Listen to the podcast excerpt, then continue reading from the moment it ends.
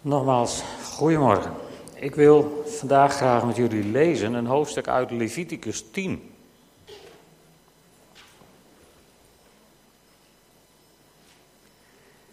En uh, ons maandthema is deze maand onze christelijke missie. En vandaag zou ik het met jullie willen hebben over het thema: het christelijke van onze missie is bovennatuurlijk. Het is niet gewoon, niet normaal. En dan gaan we eerst overlezen in Leviticus 10. We zijn uh, daar met het volk Israël bij de berg Sinaï. Ze zijn een klein tijdje uit Egypte vandaan, hebben bij de berg Sinaï de tien geboden ontvangen, opdracht om de tabernakel te bouwen. En dan is het tabernakel is klaar, hij is ingewijd, Aaron en zijn zonen zijn tot priester gewijd. En dan gebeurt het volgende. Leviticus 10. Aarons zonen Nadab en Abihu deden gloeiende kolen in hun vuurbak en legden er reukwerk op. Maar het was verkeerd vuur dat ze de Heer wilden aanbieden. Vuur dat niet voldeed aan de voorschriften van de Heer. Een felle vlam kwam uit het heiligdom en verteerde hen, zodat ze daar in de nabijheid van de Heer stierven. Mozes zei tegen Aaron: Dit bedoelde de Heer toen hij zei: Door degenen die in mijn nabijheid verkeren, toon ik mijn heiligheid. Het hele volk maak ik getuige van mijn majesteit. En Aaron zweeg. Ja, dat moest die arme man anders. Mozes riep Misaël en Elsafan bij zich, de zonen van Aarons oom Uziel. En hij zei tegen hen, kom hier en draag jullie broeders bij het heiligdom vandaan en breng hen buiten het kamp. Ze droegen hen nog gekleed in hun tuniek het kamp uit, zoals Mozes hun had opgedragen. Mozes zei tegen Aaron en zijn zoon Eleazar en Itamar, Jullie mogen je haar niet los laten hangen en je kleren niet scheuren, anders sterven jullie en ontsteekt de Heer in woede tegen de hele gemeenschap. Maar jullie broeders, de overige Israëlieten, mogen wel weeklagen over het vuur dat de Heer ontstoken is, omdat jullie zijn gezalfd met de olie van de Heer. Mogen jullie niet buiten de omheining van de ontmoetingstent komen, anders sterven jullie. Ze hielden zich aan wat Mozes hun had opgedragen. Nou, dan vormen er nog volgen er een aantal voorschriften en een aantal dingen in dit hoofdstuk. En er gaan die dag ook een aantal dingen niet goed. Logisch zou je zeggen, want het hoofd van Aaron, dat stond er even niet helemaal naar. Zijn hart was gebroken, stel ik me voor. En dan, dan aan het eind, dan krijgen ze de opdracht om toch, zeg maar, feestelijk te eten van het offervlees. En dan wil ik met jullie vanaf vers 19 nog lezen. Dan zegt de Aaron tegen Mozes: Mijn zonen hebben vandaag hun reinigingsoffer en hun brandoffer aangeboden aan de Heer. Maar je weet wat mij vandaag overkomen is. Als ik vandaag van het vlees van het reinigingsoffer gegeten zou hebben, zou dat dan goed geweest zijn in de ogen van de Heer? Toen Mozes dit hoorde, vond hij het goed. Dit, uh, dit stukje, dat, uh, daar werd ik bij bepaald vorige week. Ik bedoel, wat Aaron overkwam, dat zijn twee zonen stierven tijdens de bediening. Dat is met geen pen te beschrijven. Dat is ook absoluut niet vergelijkbaar met, met wat ons als, als andere mensen ook kan overkomen. Maar goed, vorige week stond, eh, stond in één keer ons leven helemaal ondersteboven. Een soort aanslag op je gezin zou je kunnen zeggen. En uh, in die eerste onrustige nacht werd ik door God bij dit verhaal bepaald.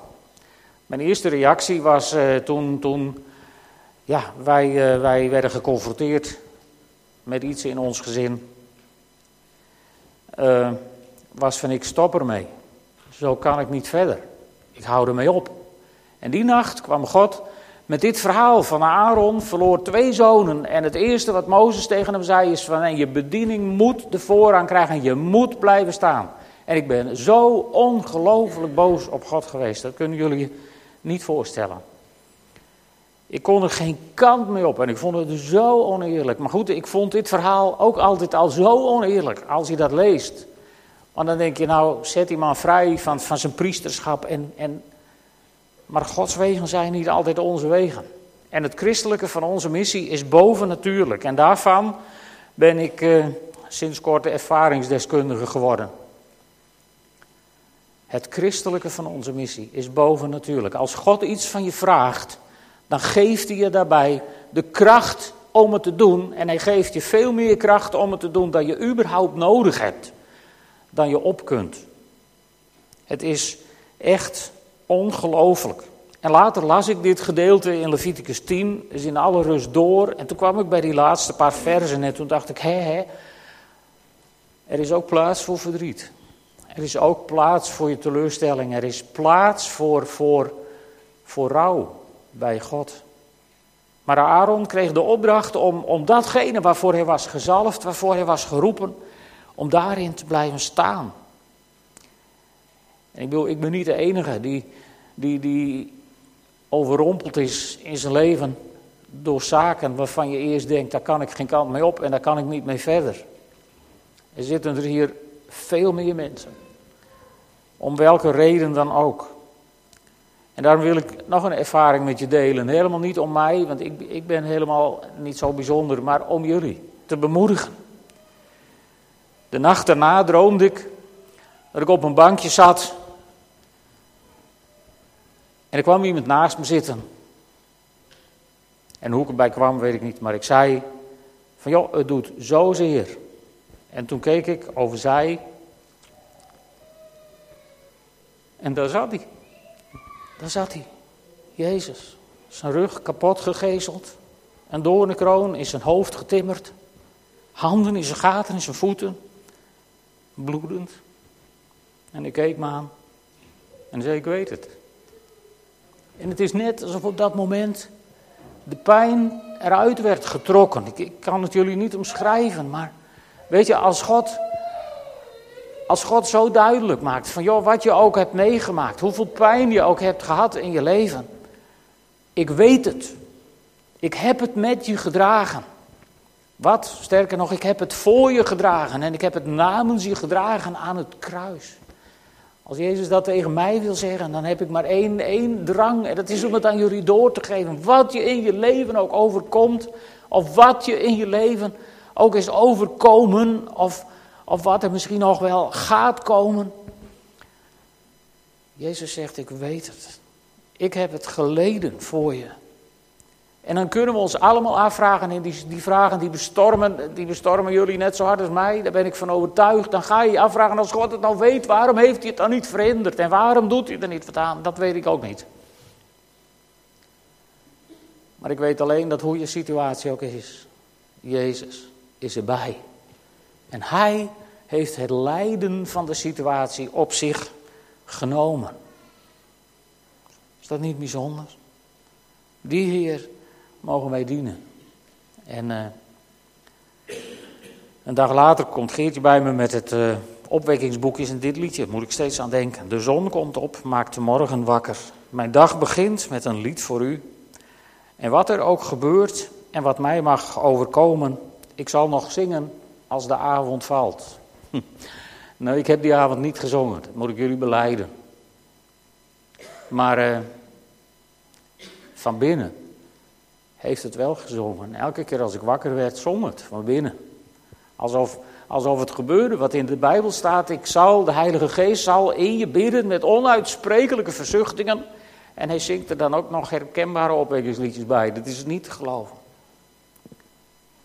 Want de geest in jou is dezelfde als die geest die in mij woont.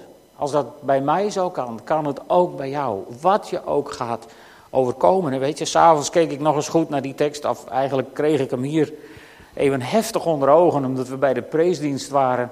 En ik had, ik had tegen God gezegd, als dat liedje komt, ga ik wat, wat zeggen. Gelukkig kwam dat liedje alsmaar niet, dus ik was al helemaal blij tot aan het eind dat liedje kwam. En, en toen zag ik iets wat me weer op het goede been zette. Want niemand van jullie heeft zijn vinger opgestoken en zegt, je citeert het fout. Maar ik citeerde het wel fout.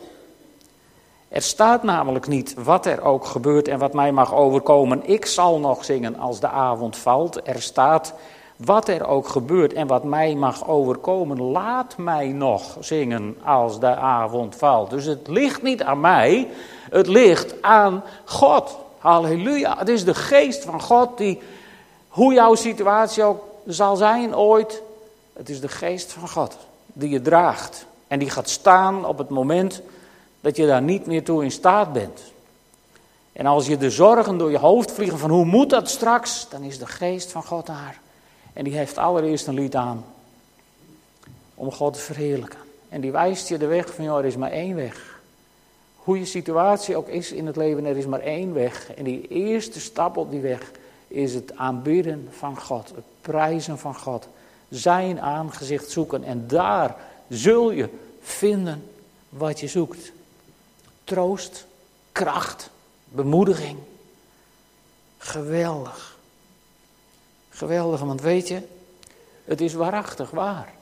Er is kracht in het bloed van het lam. Het is zo. Het is echt. En zo word je gedragen door situaties. En, en er zijn vast veel mensen hier die diezelfde ervaring hebben. Een oude broeder uit de, uit de gemeente in Zwagelstein en later in Kolmenzwaag, de, de paken van Erwin en van Hilbrand, broeder Abenauta, die had één lijfspreuk en dat zei hij te pas en te onpas soms in onze ogen. Met mijn God spring ik over een muur Erwin. Dat zei hij altijd, hè? dat heeft hij volgehouden voor mij tot zijn laatste ademteug. Toen hij, toen hij behoorlijk dement was en, en weinig van de wereld meer wist. Maar deze lijfspreuk, dat was zo ingebakken. En, en, en, en een beetje kennend van zijn geschiedenis is hij minstens net zo vaak met zijn hoofd tegen de muur gerend en dat hij er overheen is gesprongen. Maar hij bleef dat zeggen, met mijn God spring ik over een muur. En weet je, ik, ik, ik, heb, ik heb niet zo'n hoge dunk meer van mijn eigen sprongen. Ik heb de laatste week meer het gevoel dat ik over die muur heen gedragen word. Maar hoe dan ook, beide keren kom je aan de andere kant van die muur. En dat is een goede om te onthouden. Want al hoe hoog de muur in jouw leven misschien ook gaat worden, met God, kom je aan de andere kant van die muur. En er zijn situaties, dan springen we niet zo hoog. Maar dan is daar die machtige arm van God. En die tilt je erover, die draagt je erover. Want je komt er overheen. Dat is de kracht van onze God. Vind je dat niet bijzonder? En weet je, daarom, daarom moeten we ook blijven aanbidden. Want die opdracht om te blijven aanbidden in het heiligdom, die gold niet alleen voor Aaron, die gold ook voor zijn beide zonen, die er nog over waren. Met andere woorden, het voltallige toenmalige priesterschap kreeg één opdracht: blijf aanbidden. En ik weet niet of jullie het weten, maar wij zijn ook gezamenlijk priesters. 1 Petrus 2, vers 9. U bent een uitverkoren geslacht, een koninkrijk van priesters, een heilige natie, een volk dat God zich verworven heeft om de grote daden te verkondigen van hem die u uit de duisternis heeft geroepen naar zijn wonderbaar licht. Dus u en ik, wij zijn ook priesters. En hoe het in je leven ook gaat, de primaire opdracht in je leven is om God te aanbidden. Soms gewoon met tranen in je ogen en een stem die... Eh, niet zo vast meer is. Maar dan nog is het belangrijk om God te aanbidden. En, en het toppunt van aanbidding sinds het Nieuwe Testament, of eigenlijk sinds Pasen, het hoogtepunt van aanbidding, en daar wil ik toch even iets over zeggen, is de tafelgemeenschap met onze Heer Jezus Christus. Volgende week zullen we avondmaal vieren, ook hier in de kerk. En uh, na de Reformatie is er een typisch Calvinistische gewoonte ontstaan dat oudsten gingen bepalen of iemand wel of niet aan het avondmaal mocht. Dat hebben we geërfd van de katholieke kerk toen het om de macht begon te gaan in plaats van om de genade. Toen ging de macht bepalen wie wel en niet aan de communie mocht. En dat hebben we overgenomen in de kerk. Terwijl Paulus schrijft dat ieder eet en drinkt tot zijn eigen oordeel. En uh, hieruit is een andere gewoonte ontstaan, die met name bij mensen met een Calvinistische achtergrond erg diep in de genen zit. En dat is, dat is die gedachte van als Jantje of Pietje aan het avondmaal gaat, waar ik het niet mee eens ben of een probleem heb, of die ik in zonde vind leven, bedenk het maar. Als die en die aan het avondmaal gaat, ga ik niet. Het klinkt een beetje van als Jantje of Pietje zondigt, dan wil ik met Jezus niet meer eten. En de vraag is, straf je dan niet de verkeerde? Het is iets waar we allemaal maar eens over na moeten denken. Of je zo met het avondmaal om moet gaan. Want aangaan aan de tafel van de Heer is een hele persoonlijke zaak. Waar je gemeenschap hebt met het lichaam en met het bloed van Christus. En dat moet je je niet laten onderoven. Zelfs Jezus stond Judas toe om bij hem aan tafel te zitten tijdens het laatste avondmaal. Dat is iets wat we vaak over het hoofd zien. In Lucas 22, vers 21 staat: Weet wel dat degene die mij zal uitleveren samen met mij aan deze tafel aanligt. Jezus wist het. Hij wist wat Judas van plan was. Hij wist wat er ging gebeuren. En hij joeg hem niet van tafel. Hij sloeg hem ook niet over met het uitdelen van het brood en met het rondgaan van de beker. En misschien zouden we iets meer van die houding van Jezus moeten gaan leren. Ik weet ook nog niet hoe, maar dat brengt me bij Hebreeën 10, vers 19. Daar staat, daar wij dan broeders en zusters volle vrijmoedigheid bezitten om in te gaan in het heiligdom door het bloed van Jezus. Laten we dan ook in vrijmoedigheid ingaan in het heiligdom, zelfs als dat betekent dat je komt tot het brood en tot de wijn, tot het lichaam van Christus. Laat je die, en, en Hebreeën zegt in, in, hoofdstuk 10, vers 35, geef dan uw vrijmoedigheid niet prijs die een ruime vergelding heeft te wachten. En dat brengt me bij een tweede schriftgedeelte wat ik nog met jullie wil lezen. Een paar weken geleden heb ik uh, dit Bijbelgedeelte genoteerd bij het thema voor vandaag. Uit Handelingen 4. Handelingen 4. Petrus en Johannes die hebben, uh, die hebben bij het opgaan van het Tempelplein een man ontmoet die daar vroeg om een aalmoes. Dat verhaal kennen de meesten wel. En dan zegt Petrus, zilver en goud heb ik niet, maar wat ik heb, dat geef ik je. Sta op in de naam van Jezus. En die man die gaat tot ieders verbijstering staan. En dan is het een enorm, feest natuurlijk op het Tempelplein. En Petrus die houdt, uh, die houdt alweer een preek. Hij kon het niet laten sinds Pinkster.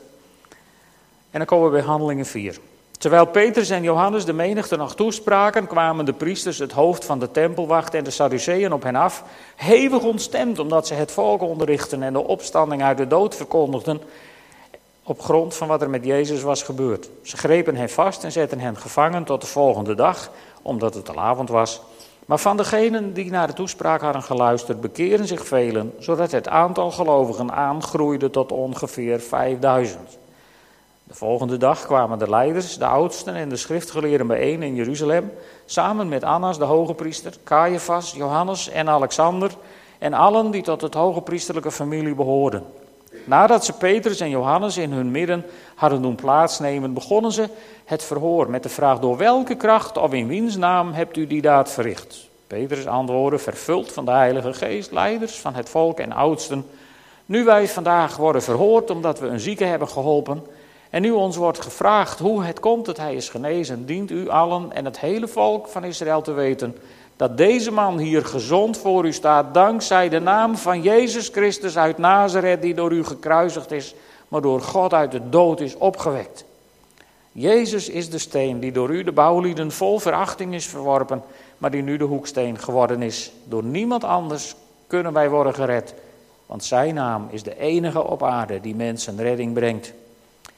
Toen de leden van het erin zagen hoe vrijmoedig Petrus en Johannes optraden en begrepen dat het gewone ongeletterde mensen waren, stonden ze verbaasd en ze realiseerden zich dat beiden in Jezus gezelschap hadden verkeerd. Die ben ik jaloers op. Ik hoop dat mensen dat aan u en mij ook gaan realiseren, dat we in Jezus gezelschap verkeren. Maar omdat ze de man die genezen was bij hen zagen staan, konden ze niets tegen hun woorden inbrengen. Nadat ze hun bevolen hadden de raadzaal te verlaten, overlegden ze met elkaar. Ze zeiden, wat moeten we met hen doen? Voor alle inwoners van Jeruzalem is het duidelijk dat ze een wonder hebben verricht. En wij kunnen dat niet ontkennen. Maar om te voorkomen dat het gerucht zich nog verder onder het volk verspreidt, moeten we hen waarschuwen met niemand meer over Jezus te spreken en hun verbieden zijn naam nog te gebruiken. Ze riepen hen terug en bevalen hun de naam van Jezus op geen enkele manier meer te gebruiken en het volk niet meer over hem te onderrichten. Maar Petrus en Johannes zeiden, kunnen wij het tegenover God verantwoorden om wel naar u te luisteren en niet naar hem? Oordeelt u zelf. We moeten immers wel spreken over wat we gezien en gehoord hebben. Na hen nogmaals dreigend te hebben toegesproken, lieten ze hen vrij. Want ze wisten niet hoe ze hen konden straffen, nu de mensen God loofden en eerden om wat er was gebeurd. De man die zo wonderbaarlijk was genezen, was namelijk meer dan 40 jaar verlamd geweest. Nadat Petrus en Johannes waren vrijgelaten, gingen ze naar de leerlingen en vertelden wat de hoge priesters en de oudsten hadden gezegd. Toen de leerlingen dat hoorden, riepen ze God eensgezin aan met de woorden: Heere, u hebt hemel en aarde en de zee geschapen en alles wat daar leeft. U hebt door de Heilige Geest bij monden van onze voorvader David, uw dienaar, gezegd: Waarom snoeven de volken en beramen de volkstammen zinloze plannen? De koningen van de aarde zijn aangetreden en de heersers spannen samen tegen de Heer en zijn gezalfde. Want inderdaad, in deze stad hebben allen samengespannen tegen Jezus, uw heilige dienaar, die door u is gezalfd. Herodes, Pontius Pilatus, alle volken en ook de stammen van Israël. Om datgene te doen wat u had bepaald en voorbestemd dat het moest gebeuren. Wel nu, Heer, Sla ook nu acht op hun dreigementen en stel ons, uw dienaren, in staat om vrijmoedig over uw boodschap te spreken. Door ons bij te staan, zodat zieken genezen vinden en er tekenen en wonderen gebeuren in de naam van Jezus, uw heilige dienaar. Toen ze hun gebed beëindigd hadden, begon de plaats waar ze bijeen waren te beven en allen werden vervuld van de Heilige Geest en spraken vrijmoedig over de boodschap van God. De groep mensen die het geloof had aanvaard, leefden eendrachtig samen. Dat woord moet u onthouden, eendrachtig. Geen van hen beschouwde zijn bezittingen als zijn persoonlijk eigendom, want ze hadden alles gemeenschappelijk. Die moet je ook onthouden, gemeenschappelijk. De apostelen bleven met grote kracht getuigen van de opstanding van de Heer Jezus. En God begunstigde allen rijkelijk. Niemand onder hen leed enig gebrek. Wie een stuk grond of een huis bezat, verkocht het, bracht de opbrengst naar de apostelen en legde die aan hun voeten neer waar het geld naar behoefte onder de gelovigen werd verdeeld. Een van hen was Jozef, een leviet uit Cyprus, die van de apostelen de bijnaam Barnabas had gekregen, wat in onze taal zoon van de vertroosting betekent. Een prachtig verhaal, wat zo aansluit op het vorige verhaal. Hier worden ook de apostelen gearresteerd en zwaar bedreigd. En, en, en toch valt op hun vrijmoedigheid. Ze vielen op door hun vrijmoedigheid.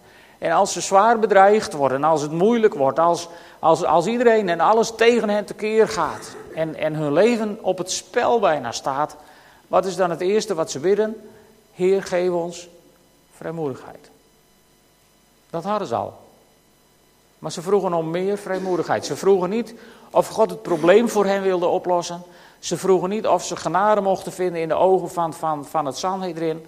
Ze vroegen God niet om een eind te maken aan het probleem. Ze vroegen God om meer vrijmoedigheid om zich niks van het probleem aan te trekken en zich er niet door te laten intimideren. En dan komt de beweging. Dat is altijd zo. Als je eenparig God bidt en de dingen bidt naar zijn hart, komt de wereld in beweging. Dat kan niet anders. En, en, en, en Dat is een voorbeeld voor ons. Weet je, als je teleurgesteld bent, omdat je bijvoorbeeld niet of nog niet bent genezen, blijf bidden. Als je teleurgesteld bent omdat mensen andere keuzes maken die je graag zou willen, blijf ze zegenen. Als zaken in je leven schreeuwen om een wonder, of een teken en de hemel lijkt van koper, blijf God zoeken.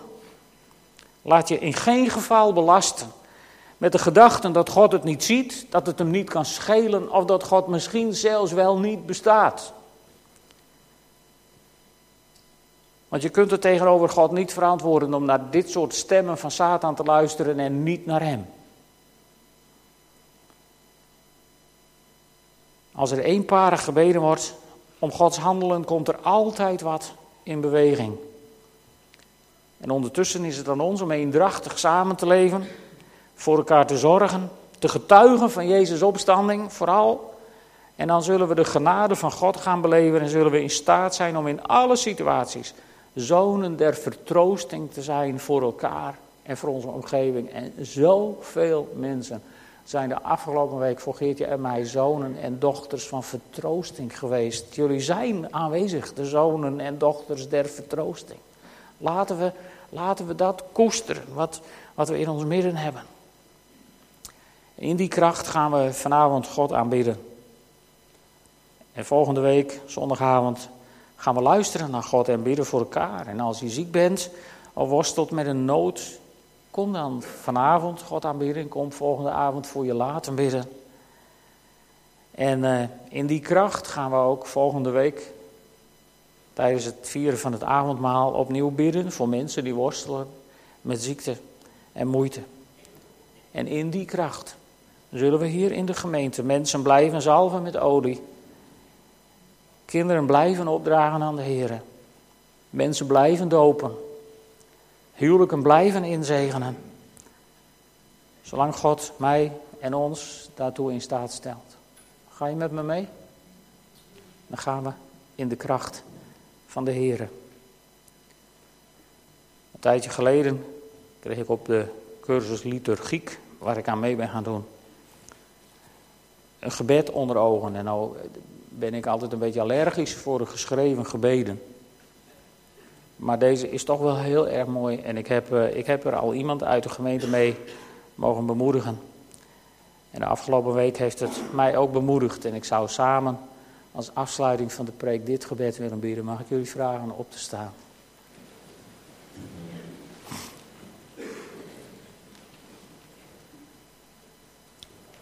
Misschien als je wilt, als je wilt meedoen, laten we het samen uitspreken. Heer, u heeft altijd gegeven brood voor de volgende dag. En hoewel ik arm ben, vandaag geloof ik. Heer, u heeft altijd gegeven kracht voor de volgende dag.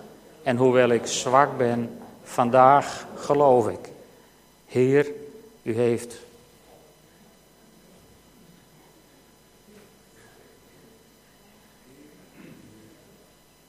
Ja, dat is hij. Heer, u heeft altijd gegeven de weg voor de volgende dag. En hoewel dat misschien verborgen is, vandaag geloof ik. Heer, u heeft altijd het licht geschonken in deze duisternis van mij. En hoewel het nacht is nu, vandaag geloof ik. Dat was één te gauw.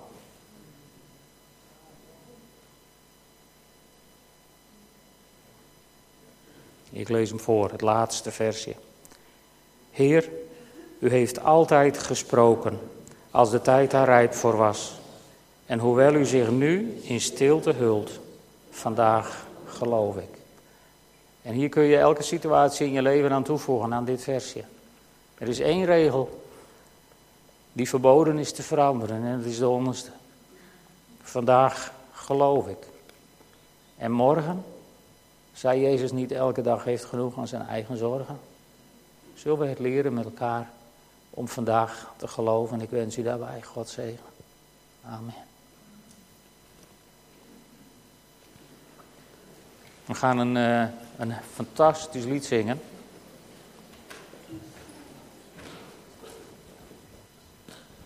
Voor sommige mensen misschien ook wel een beetje heftig. It is well with my soul.